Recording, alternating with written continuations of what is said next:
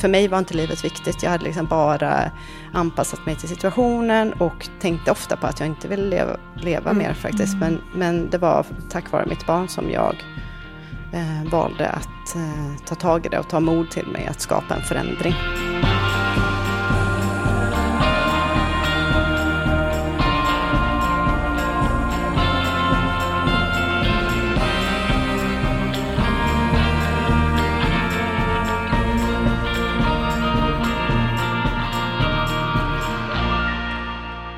God morgon Kattis.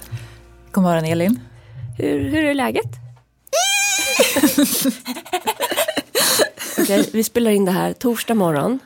Så Ja. att imorgon när podden släpps Ja. så vi är väldigt nära in på verkligheten. Vi brukar säga vi spelar in på tisdag ja, men precis. och ikväll så är det ju eh, liksom en, en intim lansering.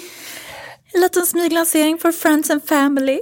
Våran bok. Ja. Jag känner mig, jag har känt mig full och konstig i hela, hela veckan. ja, jag känner mig mest splittrad. Jag växlar mellan så här, men gud varför allt står hej, herregud, till tänk om min svenska lärare ser mig från himlen. Gunilla Gustafsson, Drottningdals skola. Åh gud, så långt har jag inte ens kommit i tanken. Om du förstår. Ja. Och sen försöker kroppen släcka mig, alltså bokstavligen. Det tycker jag låter som en sån himla, det är som ett lifehack. Min kropp när jag blir stress, alltså så här, äh, splittrad och stressad vill ju istället bara hålla mig vaken. Jo, och så hitta på olika katastrofscenarier. Ja, nej, det är ju det här, äh, jag funderar på om jag har något, alltså att jag är så här också, det kan vi ta ett annat avsnitt, men ibland när jag beskriver de här två rösterna som blir så väldigt tydlig nu, Ja. kroppen då och hjärnan, då känner jag mig lite bipolär. Jag har ju sagt Jag att vet. det äh, finns, men jag, Men jag, är, jag har ju gjort sådana tester, jag har gjort alla tester, jag är inte det.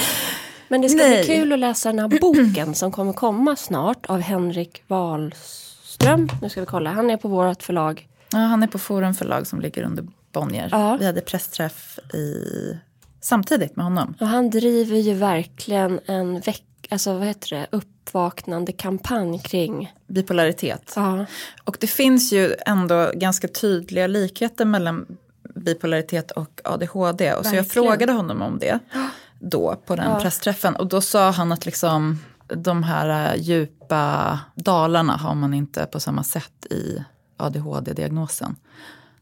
Så, upp, så uppfattade jag det. Han har ju gjort den här boken tillsammans med en eh, typ överläkare i Ja, psykologi precis. eller något sånt. Så att upp och Jag ner. svär inte på Har någonting. han grundat också. Ah. Ja, det ska bli, eh, den ska bli spännande att läsa. Men då inför en sån här liksom grej Mhm. som ändå är en milstolpe i livet att fånga en dröm. Jag vet och det är det som är grejen. Att jag känner så här, äh, lite stress också i att fånga drömmen. Att jag har så mycket olika saker samtidigt. ja. Så blir man så här, äh, hela morgonen har jag gått runt och sagt till barnen, jag bara, hörni, det här är typ ungefär lika stort som när ni föddes. Ja, och vi gör ihop. Och vet du vad? För jag har börjat lyssna, och jag har så många trådar nu, men jag har börjat Okej. lyssna på våran podd. Har du? Från början. Ja. Vi är inte så dåliga. Det är Nej, men- dålig teknik, så ljud och, och man hör Jag att känner jag... nu att mitt ljud var lite dåligt här. För att jag går upp i falsett typ. Nej, men och jag hör, och jag tog av mig lurarna också för att jag är så stressad. Men jag hör att jag kör någon artighetsröst och ska vara så trevlig mot dig. Ja. Som försvinner avsnitt efter avsnitt. Men Jag vill inte då, ens höra hur jag, vad jag kör med. då säger vi så här, det kommer bli som ett rat race, vem som skriver boken först. För att det här är något vi har drömt om. Aha. Och så gör vi det ihop. Men gud vad fint. Nu börjar nästan grina. Ja, det är som när man kollar i gamla dagböcker. Ja men att Ja. eh, vi, bara en liten så sekund av så här, vi krokade arm för ganska kort tid sedan Ja. och har lyckats eh, göra, liksom uppnå en livsström som båda haft som små tillsammans. Det är faktiskt enormt. Ja, Och så här typ inspirerande för en själv. ja, faktiskt. Att det inte var så svårt att skriva en bok. Nej, Liksom ångesten inför, eller så tank, föreställningen om hur det är att skriva en bok var, mycket, var helt annorlunda.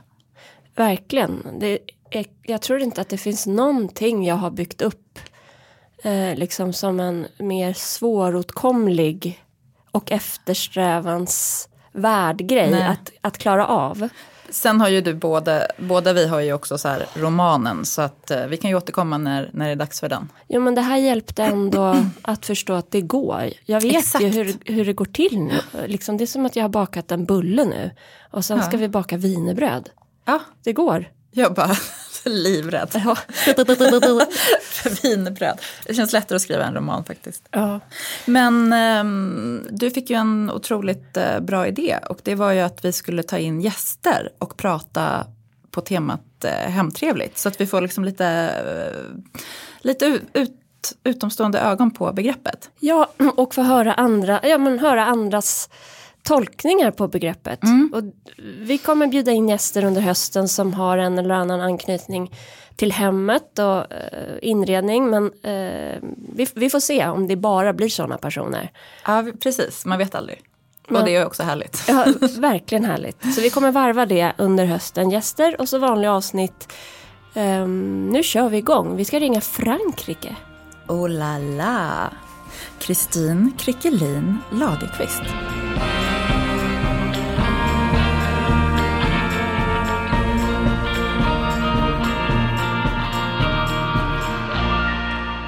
Bonjour la France! Pratar du franska? Nej, no, no. No. No. Je parle non. Vad säger man? Je ne parle pas. pas. Men du är i Frankrike. Jag befinner mig i Frankrike. Jag sitter här i min säng. Berätta vart du är. Jag är i en liten by i Languedoc. Är ungefär 45 minuter från eh, Montpellier. Men är det i samma by som Yvonne har, bor? Ja, La Bellevue ligger exakt samma by. Vem, Ja. vem är. Yvonne? Hon har ett eh, chambre dot, som det heter, som ett litet eh, Herbre. härbre. alltså, det, är nå- det har något med skattelagarna att göra, att man får ha x antal rum utan att det behöver skattas som ett hotell typ. Ett, ett litet Jaha, då vet du mer än... eh, Då härbre. vet du mer än jag. Men jag har varit, jag har varit gäst hos La Bellevue eh, 2020. Helt fantastiskt. Eh, Bed and breakfast kanske man skulle kalla det på svenska. Ja, jag, jag, eh, när Jacke fyllde 40, då väckte jag honom på morgonen med en flaska vin från Languedoc och var så här, nu ska vi åka till flygplatsen. Och så visste inte han vart vi skulle. Gud vad romantiskt. Det var romantiskt, jag hade liksom mejlat med hans chef och tagit ledigt en vecka åt honom. Eh, och så åkte vi dit och det var så himla mysigt och Yvonne var så snäll och vi hade med oss ett barn som typ man inte får egentligen där. Var det ert barn? Det var, det var vårt barn. Ja, bättre. Eh, Men hon liksom fixade så här cyklar med barnstol för vi hade inte heller något körkort. Så vi liksom cyklade runt där på vinfälten och tog oss till olika marknader. Det var supermysigt. Men gud vad mysigt. Då har ju du varit här i byn. Ja, Då vet exakt. ju du allt. Ja, alltså det finns en fondant. Alltså en sån här eh, riktig rinnig chokladkaka. Alltså som jag fort, både jag och Jacke, vi drömmer fortfarande om den som vi åt där på torget. Som ni åt på byrestaurangen Ja, eller som precis. Yvonne hade gjort. Alltså det var så god. Ja men det är härligt. Det var faktiskt exakt samma upplevelse vi hade. Jag gav det till min man i 40-årspresent också. Han heter Jonas till- va? Ja. Men, men får jag bara backa? För att vi hade ju som ett litet eh, teknisk stund eh, här innan som inte lyssnarna hängde med på. Där vi ändå hann så här, gud vad kul att eh, prata med varandra. Vi har ju bara hörts på Insta, du och jag. Mm. Och Kattis, ni två har träffats va? Vi har träffats, Ja. men du var liksom också så här i inrednings-instas eh, vagga. Men, så jag tänker bara att vi ska Så- göra en liten introduktion. Vem är du? Krickelin? Eh, eh, berätta. Hej! ja men såklart. Hej! Och så roligt att få vara med i er podd. Jag är ju en eh, ivrig beundrare.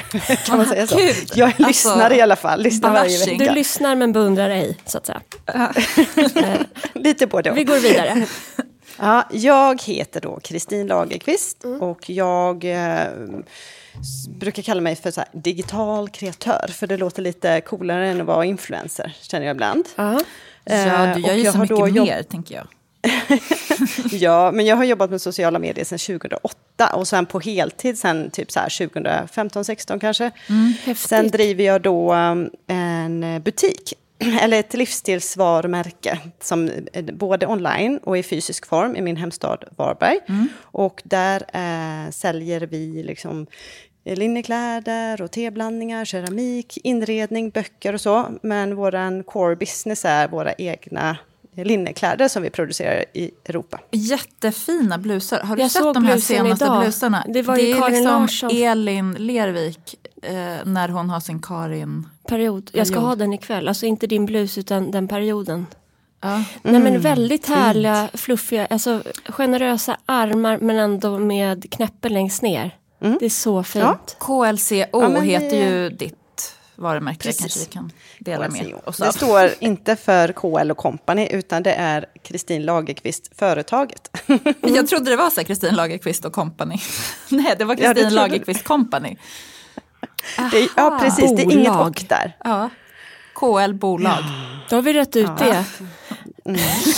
men, men du, man måste väl ändå säga, om man rör sig på Insta så är ju du en, en profil där inom det jag skulle kalla hemtrevligt. Verkligen. Kul att höra. Eh, vad är dina tankar kring det ordet hemtrevligt? Hemtrevligt har ju så mycket mer än just inredning att göra, tycker jag. Eh, att det är liksom människorna som bor där som skapar eh, det hemtrevliga i kombination med, med eh, miljön, om man säger så.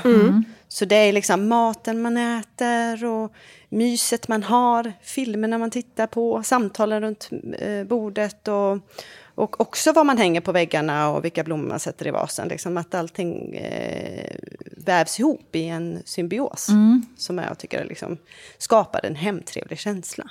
Ja, eh, verkligen. Har du några sådana bra referenser, kanske bakåt i tiden eller nutid, där du känner här är det hemtrevligt?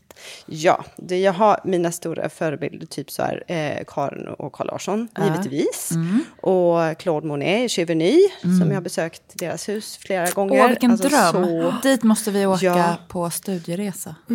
Det måste ni. Alltså, typ, alltså konstnärshem, typ om man kommer hem till Sofia på Moccasin. Ja. Där otroligt Men hemtrevligt. gärna där det också pågår den här liksom kreativa rörelsen. Alltså att det Livet. pågår Ja, men hantverk på- ligger liksom på pågår. köksbordet och man sitter liksom och äter runt omkring liksom målningarna eller de här pappersblommorna. Eller att det finns, det finns ett liv här. Det tycker jag är väldigt, väldigt hemtrevligt. gud, jag håller med. Jag har liksom en Maud i Kalmar som är en sån hemtrevlig liksom, eh, person och hem som har inspirerat mig. Har du såna eh, som inte är liksom konstnärer eller kända? Nej, alltså, min mamma har alltid varit väldigt inredningsintresserad. Och det var liksom på den tiden det var Laura Ashley och allt sånt där. Blommigt och mycket, så här, mycket böcker. Hon eh, har alltid läst jättemycket romaner. Så för mig är det så här, Mårbacka och böcker och, och blommiga tyger. Det är jag uppväxt med. Så det skulle jag vilja säga att det är min, då, min, eh, min mammas hem. Där det är liksom en salig rö- röd finheter. Ja. Och en del fulheter också, men det får Men vara. precis, det, det är det som, hemtrevligt. som är hemtrevligt. Att det faktiskt, alltså om det inte finns någon fulhet eller liksom någonting som är där, inte för att det var fint utan för att det betyder någonting. Eller för att det är ett som hem. bor Så här, där. Ja. Den där plastgrejen som man sätter runt plastpåsar är jätteful men ganska klämmig som min mamma skulle säga. Nej, alltså, jag, nu blev det dubbelt. Hon tycker allt är klämmigt. Allt som är smart, praktiskt, är klämmigt. klämmigt. Ja. Men nu var det dessutom. Vi har i vårt, för nu är jag i Frankrike, och vårt kök så här liksom, det har varit så himla roligt att inreda här och fixa och greja. Mm. Och då har vi en sån här gasoltub i köket som är knallröd. Mm. och jag, och jag liksom så här, tänkt ibland så här, där är ju verkligen skavet. Ja. Liksom- Men också typ snyggt. Tycker du den är jobbig? På riktigt? Så här. Ja, men i början tyckte jag ju det. Ja. Att jag bara så här, det här känns inte bra, här har vi liksom färgkoordinerat och det är liksom mörka möbler ihop med eh, sesammattor och konst och vintage och så står den här illröda gasoltuben och bara tar all uppmärksamhet. Är bara funktion. Ja. Ja, men nu känner jag att det är liksom det rätta skavet Bra. som behövs. Precis, det pratar, brukar vi prata ganska mycket om att det behövs liksom något litet skav. Mm. En kontrast. Så är det ju hos människor också. Du vet, jag blir så himla, eh, så här, inte provocerad, men det, det blir lite jobbigt inom när man träffar någon som är så här superperfekt på allting. Snark också. Både, både det och det är ganska ointressant. Och det är också Ja. lite stressande. Eller precis, Ja, framförallt jag så är blir det osäker. ointressant. Hej då.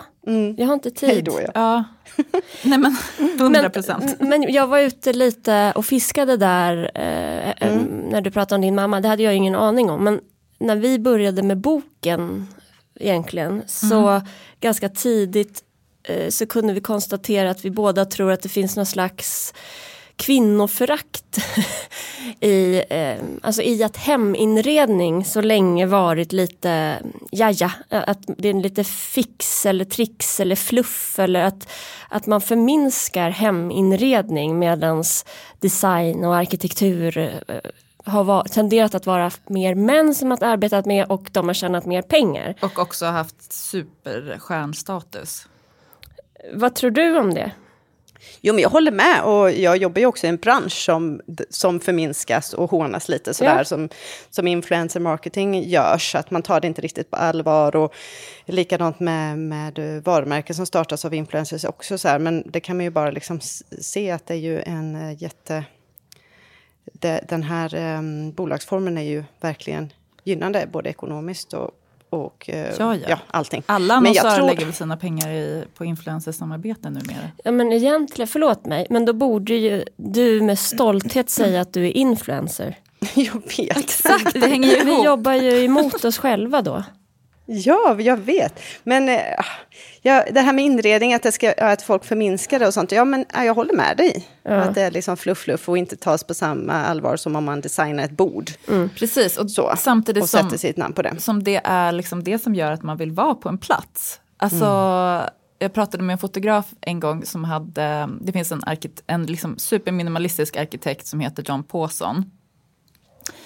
Eh, som har också byggt en del hus här i Stockholm. Så han hade varit och plåtat ett av de här husen och eh, sa att det var, så här, det var en ganska obehaglig upplevelse. För att han kände det som att han störde huset när han kom in där. Att liksom människan, det var liksom verkligen så här arkitektur som inte är gjord för människor. Nej. Jag har varit på sådana arkite- alltså arkitektbyråer, det är också kusligt. Ja. Jag blir så stressad, så här, för, jag, för, för mig är inredning så mycket färg och form. Och jag är typ så här askass på sådana människor som jobbar med design och även typ så här, ja, namnet på den där trendiga lampan som alla vill ha. Ja, ja, eller men skit i den det. soffan eller det Ja. bordet. Jag kan inget sånt. Nej. Och jag är total, också totalt ointresserad. Så i sådana här bajsnördiga sammanhang som man ibland har befunnit sig i, förlåt, det var Nej. elakt sagt. Nej, för att, Nej, nej. Men det, Ja, det, blir, Grovt. det blir så allvarligt så jag blir så här, oh, Ja, alltså jag vill bara typ så här Det är liksom, hänga upp någonting som känns bra på väggen, inte att det kostar typ 45 000. Ja. Nej, för precis, det är också väldigt lätt att liksom inredning blir bara en uppvisning av pengar. Och det finns inget ohemtrevligare.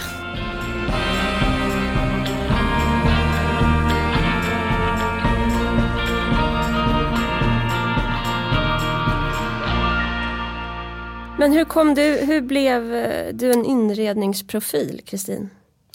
Det började med att jag började blogga 2008. Mm. Eh, och då, var det, då hade jag ju inte ens en dator eller kamera eller någonting. Men jag var min man som hjälpte mig med all teknik så där, så jag kom igång. Jag har alltid tyckt väldigt mycket om kommunikation. Jag ville bli författare när jag var liten. Och, och eh, alltid tyckt om att eh, skapa miljöer. Och, eh, och allting, allting hör ju ihop liksom, med text och färg och form i det formatet då, som bloggen kunde erbjuda. Och bloggen växte och, blev, och jag blev mer och mer liksom hemma i det forumet och, och nätverkade. Eh, och då på den tiden hade jag ju typ eh, ingen ekonomi alls. Jag jobbade som servitris och min man var... Eh, han eh, gick i skolan på Handelshögskolan i Göteborg. Han gick i tredje klass ekonomi- faktiskt.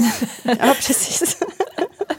Han eh, utbildade sig och eh, då fick man ju gräva där man står. Så jag gick på loppisar och handlade jättemycket grejer. Som, eller jättemycket, jag handlade fynd som jag då bloggade om och skrev om. Sen skrev jag om min trädgård och, och eh, mitt hus och mina barn och recept och sånt. Så det var väl en typisk sån livsstilsblogg på den tiden, 2008. Men- Och sen utvecklades det och så blev jag mer och mer, liksom hamnade i olika inredningssammanhang. Men, men jag bara undrar där i början då när du, jag vill vill göra en sån här blogg 2008. Vad, eh, vad händer i världen 2008? Jag kan inte ens komma ihåg. Alltså, typ, jag kommer ihåg att, att eh, Facebook kom till 2007. Så att det är liksom det är precis i väldigt- begynnelsen där på något sätt. Ja. Det fanns var inte smartphones liksom. Nej, men, och, då fanns det ändå, din snubbe hade en dator. Ja, precis. så då började du skriva där. Liksom. Ja. Och bod, Och jag sydde kläder, alltså typ av gamla lakan. Um, Gud, det är som är så trendigt eh, nu. Kjolar. ja. Och sen sydde jag också mössor till mina barn av gamla t-shirts. Och så broderade jag på, liksom, så klippte jag ut från gamla blommiga lakan. Så jag sydde på deras namn. ja, gulligt. Så- ja, det var väldigt pusslig. Men fint. Var det liksom, bodde ni i samma hus som ni gör nu då? Nej, då bodde vi i en 70-talsvilla med en gigantisk trädgård. Gud, det här vill man ju liksom gå tillbaka i arkivet och kolla på. Älskade du det huset? Det gjorde jag. Jag trodde vi skulle bli gamla där och eh, verkligen dela resten av vårt liv där och att barnen kanske skulle ta över och så. Ja. Eh, och jag la ju ner ganska mycket arbete i den trädgården. Så det var ju egentligen trädgården som var mitt, så, det, det bästa med huset tyckte jag. Men eh, eh, sen så hade vi ju span. Eller min, jag hade ingen span, men min man sa att eh, eh, om ett speciellt hus i stan, så här, bara, om det någon gång blir till salu, Kristin, kan vi inte kolla ut eh, möjligheten att kunna köpa det? Gud vad mysigt Och det var hans drömhus sen han, Ja, ja, drömhus sen han var barn. Så han, och sen så då blev vi, eh, då hade han ju fiskat hos ägaren och sagt det, om du vill sälja någon gång.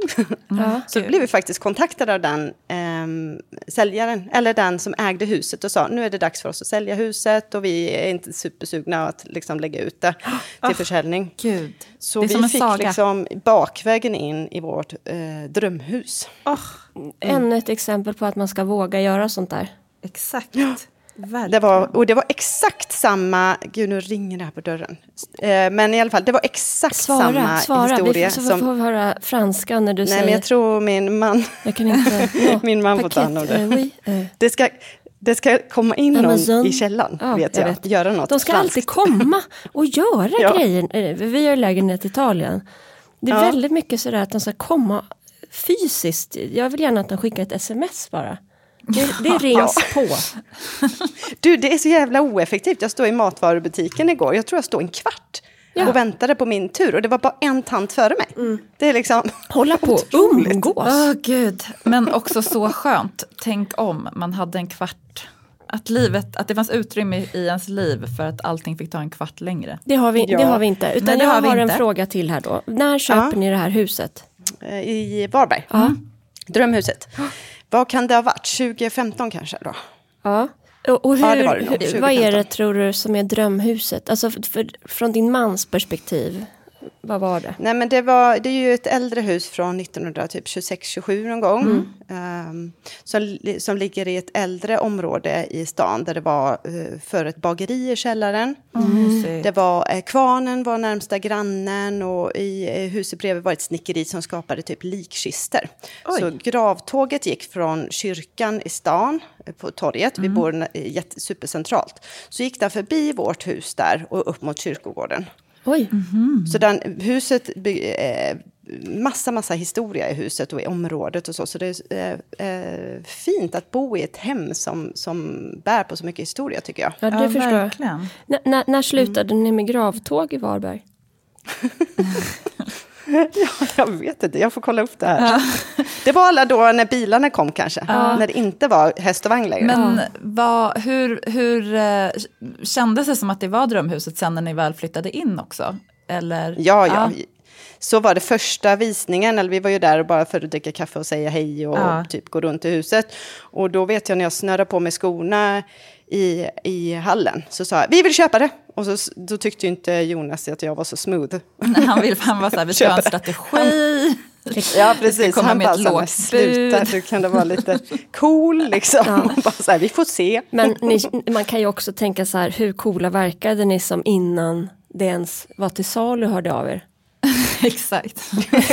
Ja, men det ska man våga. Ja, tror jag- jag. jag menar tror det. man måste, vad heter det, när man affirmerar Ja, sina drömmar? Alltså att exakt. man liksom skriver ner dem, säger det högt. Visualisering. Jag gjorde Precis, ju det berätta för folk. inför att vi köpte Missionshuset, alltså crash course i visualisering, mm. typ tre dagar och sen var det vårt. Ja, Nej, jo. vad spännande. ja, det, kom, det här var ju i början ändå av min och Kattis relation, hyfsat tidigt och det kom massa sms där det stod, inte prokrastinera utan vad stod det? På engelska typ. Ja precis. Um... Det stod paraply. Det var något jättekonstigt som jag skulle, manif manif manifest. Alltså mani manifest manifestera. manifestera. Manifestation. Jag bara, eh, ska jag sätta upp, ska jag gå med plakat? jag vet inte, ja. men jag gör det. Om det är det som ja. behövs ibland. Nej men hundra procent eh, delar vi ju den. Att man ska mm.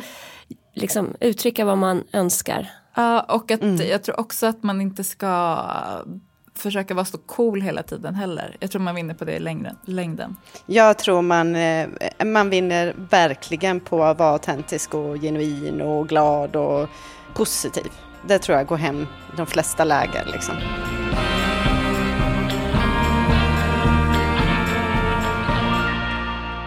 När vi ändå är inne på det ämnet, du får mm. säga stopp om något känns jobbigt. Eh, men mm. Eh, jag Eh, och det är också Kattis jag har pratat om mycket från start. Att jag har ju eh, är väldigt bjussig på Instagram om eh, hur livet är upp och ner. Och jag gjorde en ADHD-diagnos förra våren, sommaren där och berättade om det. Och, mm. och du är ju eh, en person som också bjuder av flera delar av livet. Mm. Hur, hur har du tänkt kring det? Eh, först och främst vill jag säga att din ADHD, att du har delat det, det har ju hjälpt mig jättemycket och har varit superintressant att följa. Så jag uppskattar mm. allas eh, uppskattar den kommunikationen, när man blandar liksom kunskap och inspiration med en, en dos av verklighet. Mm. För det skapar så himla trovärdighet och eh, ett band till en kreatör online. Att det känns ju som att vi är vänner liksom, ja, redan. Men fast vi ändå inte har träffats än. Mm.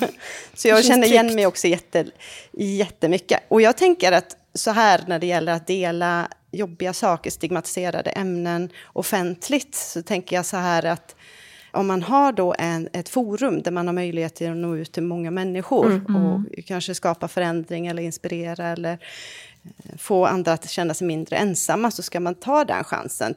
Naturligtvis sätta sina gränser och tänka över sin integritet och, och, och också lite så konsekvensanalys för ens mm. eh, anhöriga. Men för mig har det varit så här fint, i, dels i, i, i eh, mitt arbete med att läka mig själv och också för att jag märker att det tas eh, emot mjukt och att det, det, det känns bra att dela erfarenheter och, och bredda kunskapen inom de ämnena jag har delat. För du har uh, levt i en, i en svinaktig destruktiv eh, relation. Som, ja. som väldigt, väldigt ung, alltså mellan 16 och 21 mm. va?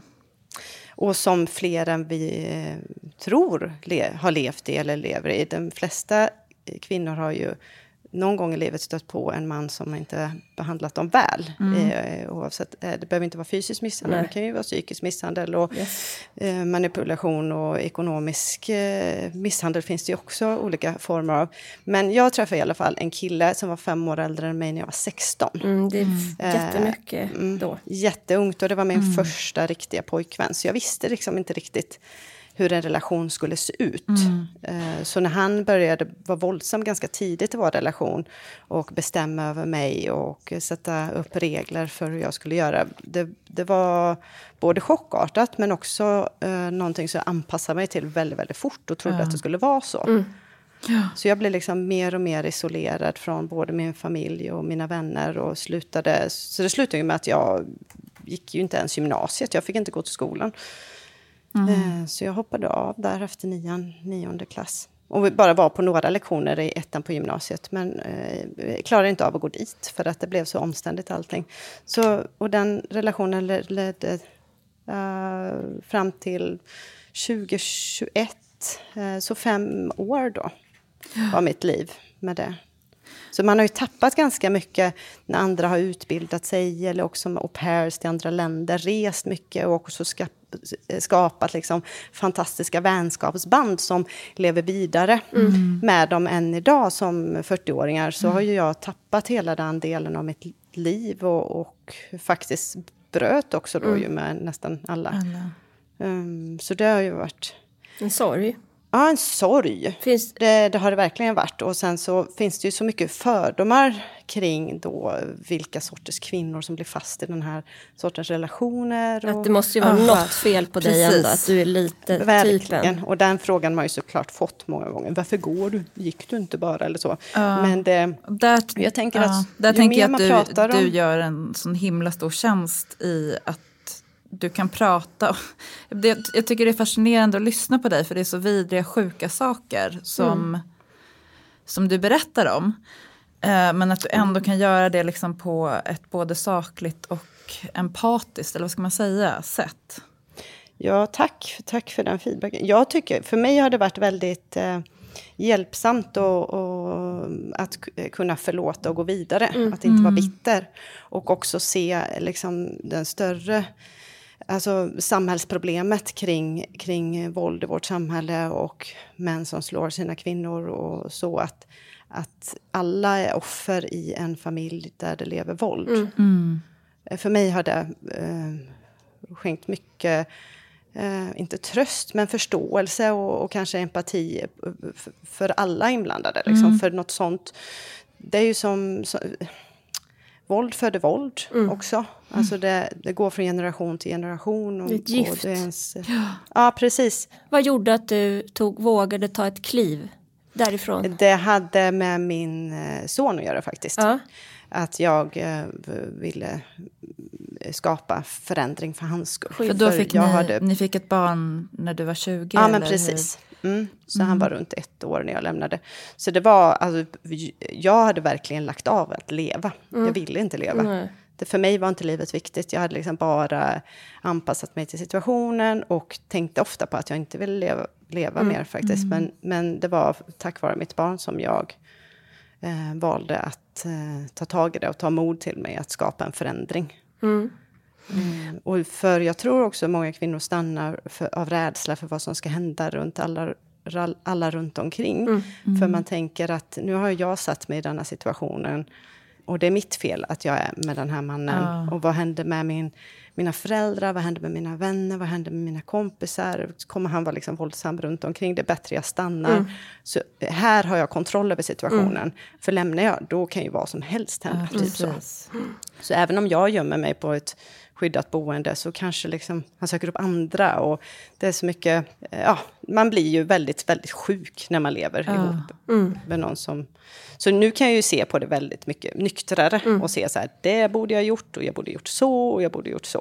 Så när jag skriver och pratar om det så brukar jag ofta prata kring hur man kan erbjuda en kvinna som lever i våld en, en lösning. Ja, vad alltså bra, inte... för jag tänkte ja. om man lyssnar på det här och bara känner kalla kårar för att man är hon. Eller om man mm. känner på sig att man har någon i sin närhet som är hon. Vad gör, vad gör man?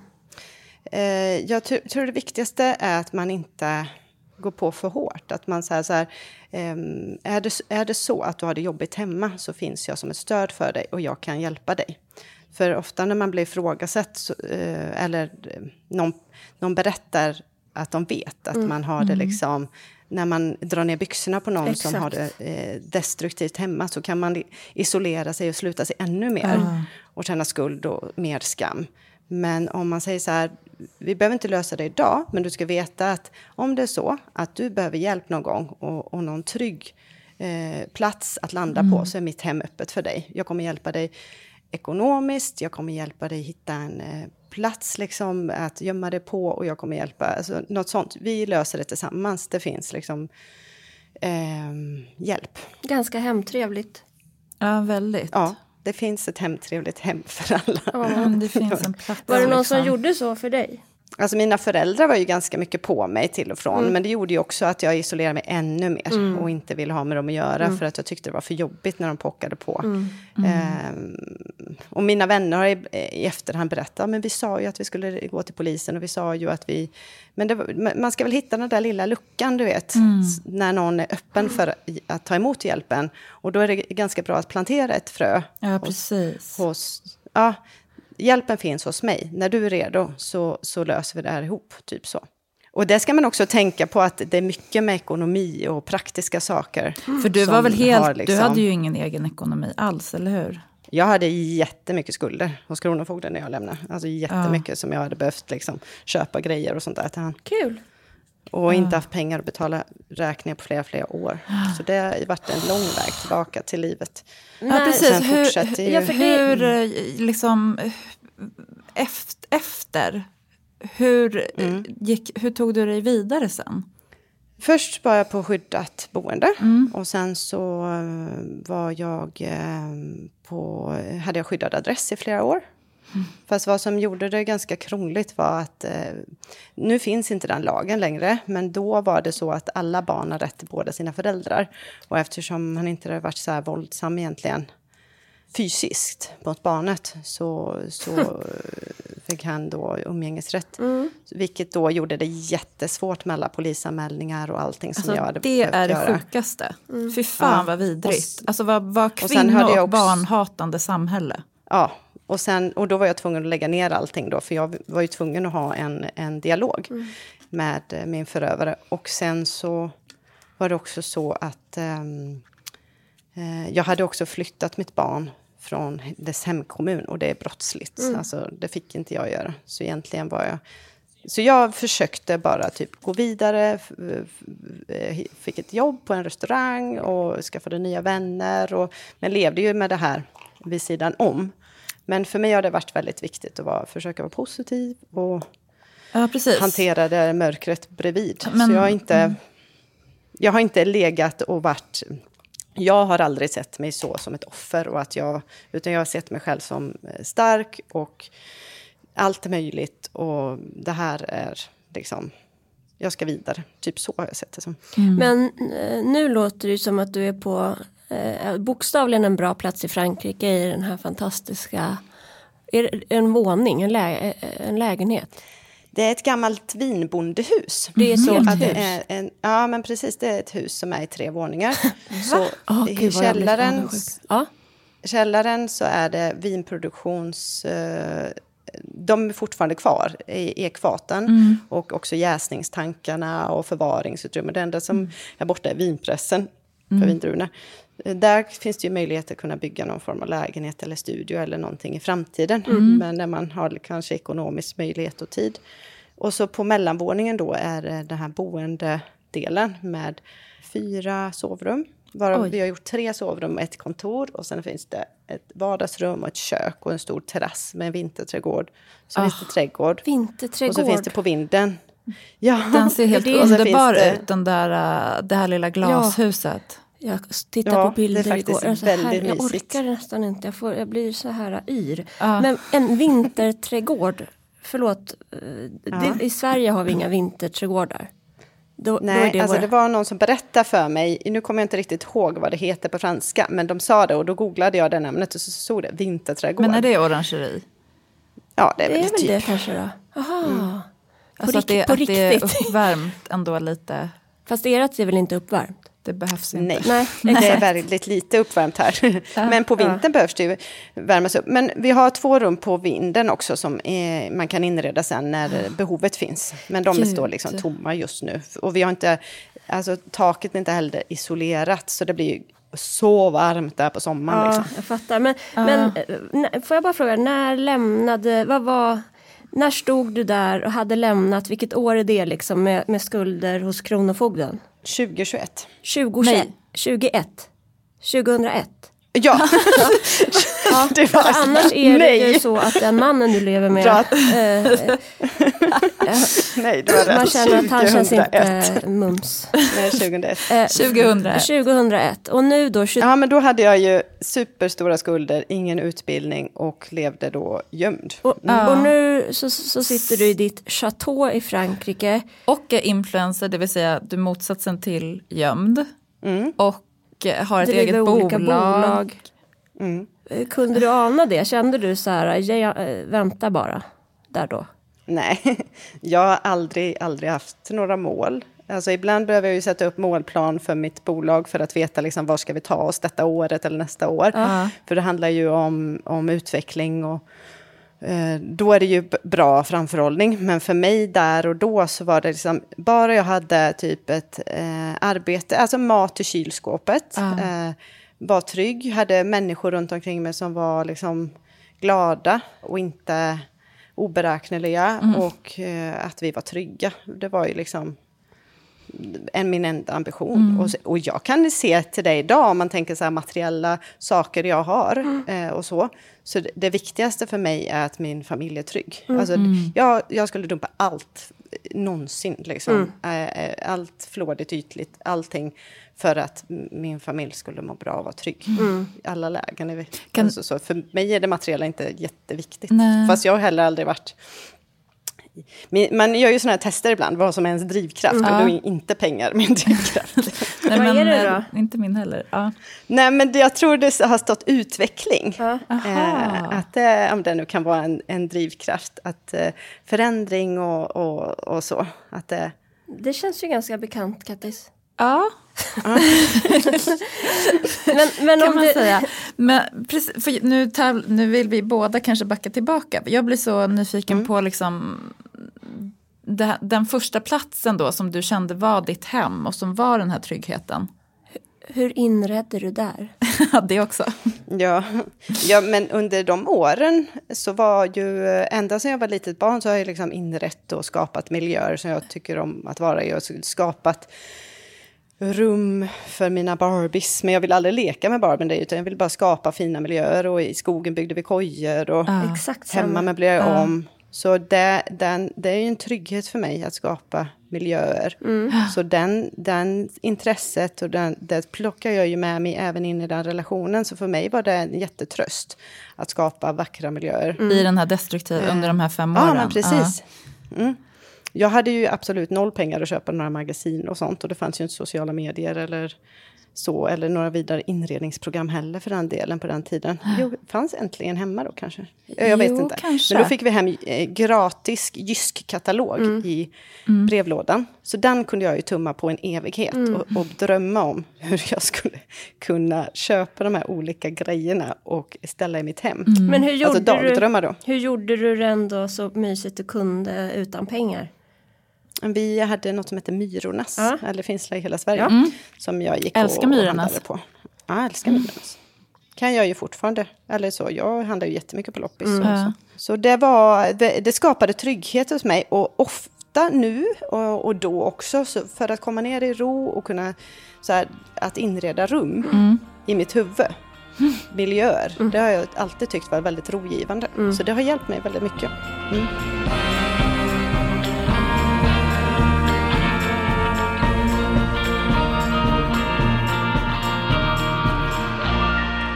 Vad har du för uh, utvecklingsdrömmar framöver?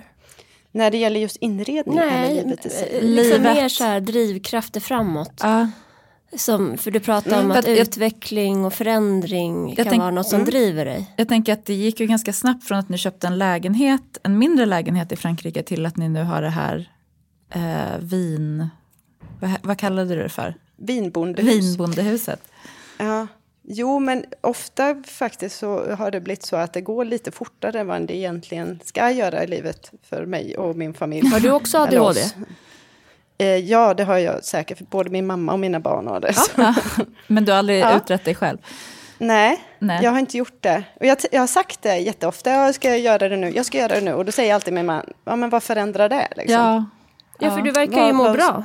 Ja, och jag har ju hittat verktyg och tekniker med, med hjälp av typ så här mat och sömn och görandet. Det, alltså, det enda som är jobbigt ibland är väl att det, det ibland är så skamfullt att ha så mycket fart och mer energi. För man får ju höra liksom Ja, att ska du lugna ner dig, kan du inte vila och du tar på dig för mycket, du kommer bli utbränd. Alltså det här pratade vi om i, i förra veckan och bara i alla fall i ett möte som vi har haft gemensamt, jag och Elin den här veckan, eh, så har det i all välmening sagts till henne.